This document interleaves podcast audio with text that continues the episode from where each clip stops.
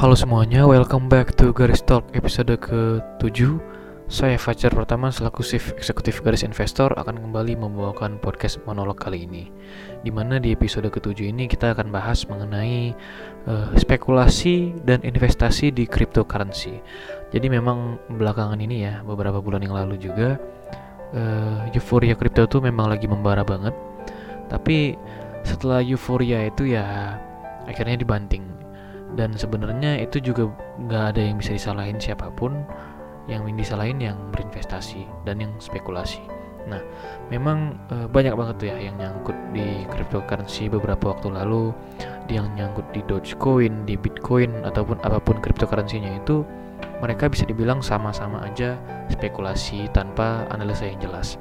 Jadi memang sudah ditekankan dari beberapa waktu yang lalu kita dalam berinvestasi itu harus punya knowledge. Kita harus spend investasi itu ke ya investasi layar ke atas gitu. Kita invest ilmunya dulu baru kita terjun di instrumennya.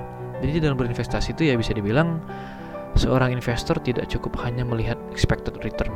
Di mana kita juga harus uh, consider ya mempertimbangkan risikonya gitu loh memang prinsipnya itu ya high risk high return.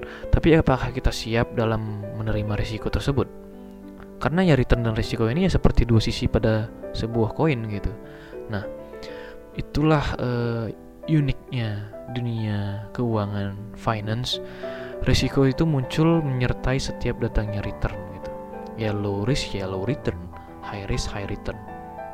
Jadi memang terdapat beberapa ukuran risiko dan adanya acuan return tersebut gitu. Jadi ya pada akhirnya ya kita harus invest knowledge dulu gitu loh baru kita terjun ke instrumennya. Apalagi hype-nya crypto ini kan baru-baru aja gitu. Memang ya eh, naik drastisnya itu pernah di dari 2017 2018 crash kemudian ya sekarang baru hype lagi di akhir 2020 kemarin. Nah jadi perbedaan antara spekulasi dan investasi itu ya pada keputusan mereka berinvestasi jika mereka hanya menerka-nerka membaca news-news saja dari berita karena ya dari berita itu bukan semuanya benar. Berita itu juga bukan semuanya baik. Ya kita tahulah media bagaimana. Jadi ya para investor itu harus hati-hati gitu. Memang spekulasi itu boleh sometimes. Tapi kalau misalnya terus-terusan spekulasi itu udah salah men. Nah makanya penting uh, dalam berinvestasi ya knowledge-nya itu penting banget. 3M mindset money dan money management. Di mana Eh, jika kita terus-terusan spekulasi ya apa bedanya dengan judi? Lebih baik uh, judi karena ya presentasinya 50-50 kalau spekulasi belum tentu segitu.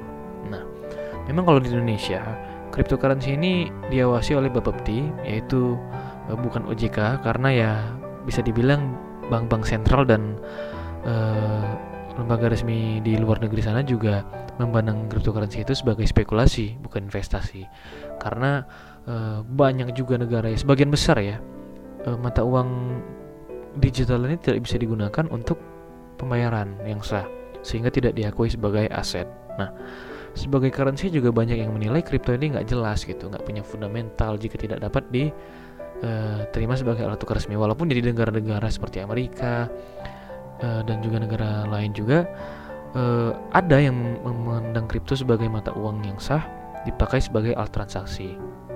Jadi kenapa mereka menilai uh, aset ini sebagai spe instrumen spekulasi? Karena harganya itu ya dia bisa melesat uh, tinggi tanpa batas dan juga dapat terjun bebas. Dia nggak ada ARB nggak ada arah gitu. Sehingga memang volatilitasnya itu sangat ekstrim banget tidak seperti saham yang punya batas ARB dan arah karena ya memang secara physically juga bentuknya itu nggak ada makanya memang MUI itu Majelis Ulama Indonesia mengharamkan investasi di uh, cryptocurrency. Namun saya juga menilai sendiri yaitu balik lagi relatif gitu. Uh, ya tergantung orangnya gitu. Dia melihat kripto sebagai apa gitu ya. Nah, selain itu banyak banget nih di luar sana itu investor itu kepincut oleh provokasi orang lain uh, supaya mendapat keuntungan yang besar. Ya sebagai contoh aja Dogecoin itu di backup oleh pengusaha teknologi nomor satu di dunia Elon Musk dan juga Mark Cuban di mana ya ini merupakan ya keasikan tersendiri ya bagi Dogecoin dia bisa di backup oleh orang sekelas Elon Musk sehingga ya makanya kemarin harganya sempat tembus di 10 ribuan tapi akhirnya drop lagi karena mengikuti harga pergerakan Bitcoin di mana memang belakangan ini banyak banget sentimen negatif di mana beberapa waktu lalu kan beberapa bulan lalu tuh udah ada Turki dan India itu yang melarang uh, cryptocurrency. Karena di, di Turki kalau di Turki itu bisa dibilang terjadi penipuan yang lumayan besar ya di di bursa kripto uh, Turki. Dan sekarang China kenapa bisa drop banget karena China itu 50% penambang Bitcoin itu terbesar di China kuncinya cuma satu jika Amerika juga ngeban walaupun sebenarnya mutah mustahil gitu ya Amerika ngeban cryptocurrency tapi seandainya in the worst case Amerika juga ngeban cryptocurrency ya maka it's game over cryptocurrency selesai gitu Nah, makanya pentingnya diversifikasi itu itu. Alokasikan aset ke kripto itu ya 5 sampai 15%. Tergantung berapa porsi yang bisa kita terima. Yang kita ada ya porsinya, kita punya modal berapa, kita punya risiko itu bisa tolerir risiko itu sebesar apa itu perlu dipertimbangkan. Pada akhirnya ya money management, psychology, mental kita siap atau enggak.